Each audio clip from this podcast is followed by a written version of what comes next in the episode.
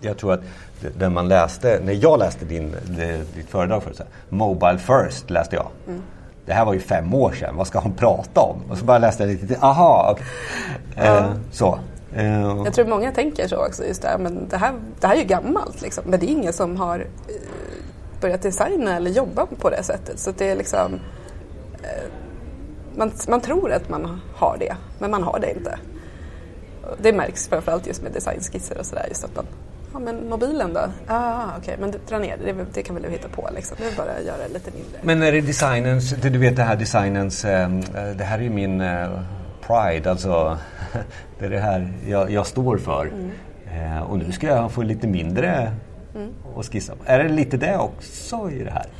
Ja, eh, i alla fall om man har så ganska vattentäta skott. Att man ja. har en marknadsavdelning, kanske med en AD som sitter och gör designen. Då, då brukar det oftast vara, jaha men vad händer med mina logotyper och mitt ja. typsnitt och de här liksom snygga bilderna. Och, ja. eh, det, det, kan bli lite gnissel där, det kan det ju vara.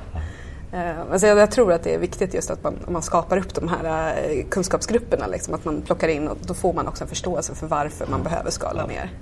Och sen så kommer du och säger det här nu. Och bara, men det var, ju, det var ju bara något år sedan vi skulle ha en app. Och nu kommer det, det går för fort. Ja. Jag hinner inte med. Eller? Nej, eh, just det här med appar, eh, framförallt då inom e-handel, så det, det försöker man ju tona ner. Ja. Jag, vet, jag lyssnade på äh, Mimmi Thorén igår och hon sa det också. Om du inte behöver en app, gör den inte.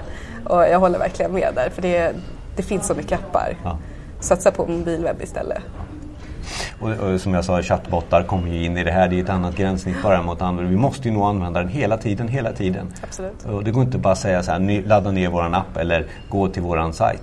Vi måste finnas där användaren är. Alltså, eh, I det här fallet, okej okay, och igen då chattbot, men den kan man ju integrera i eh, Facebook Messenger. Mm. Ja, då är du helt plötsligt i Facebook, inne i Facebook. Ja.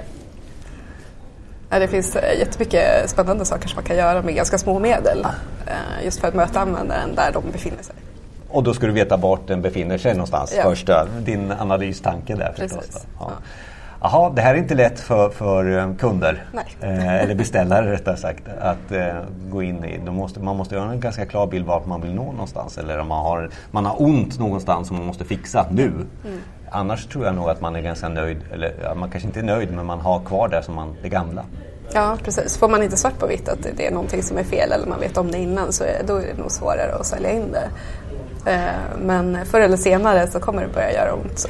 Och, och då är de här mindre bolagen, de här startupparna, de måste ju vara mycket, mycket bättre att komma in på det här direkt.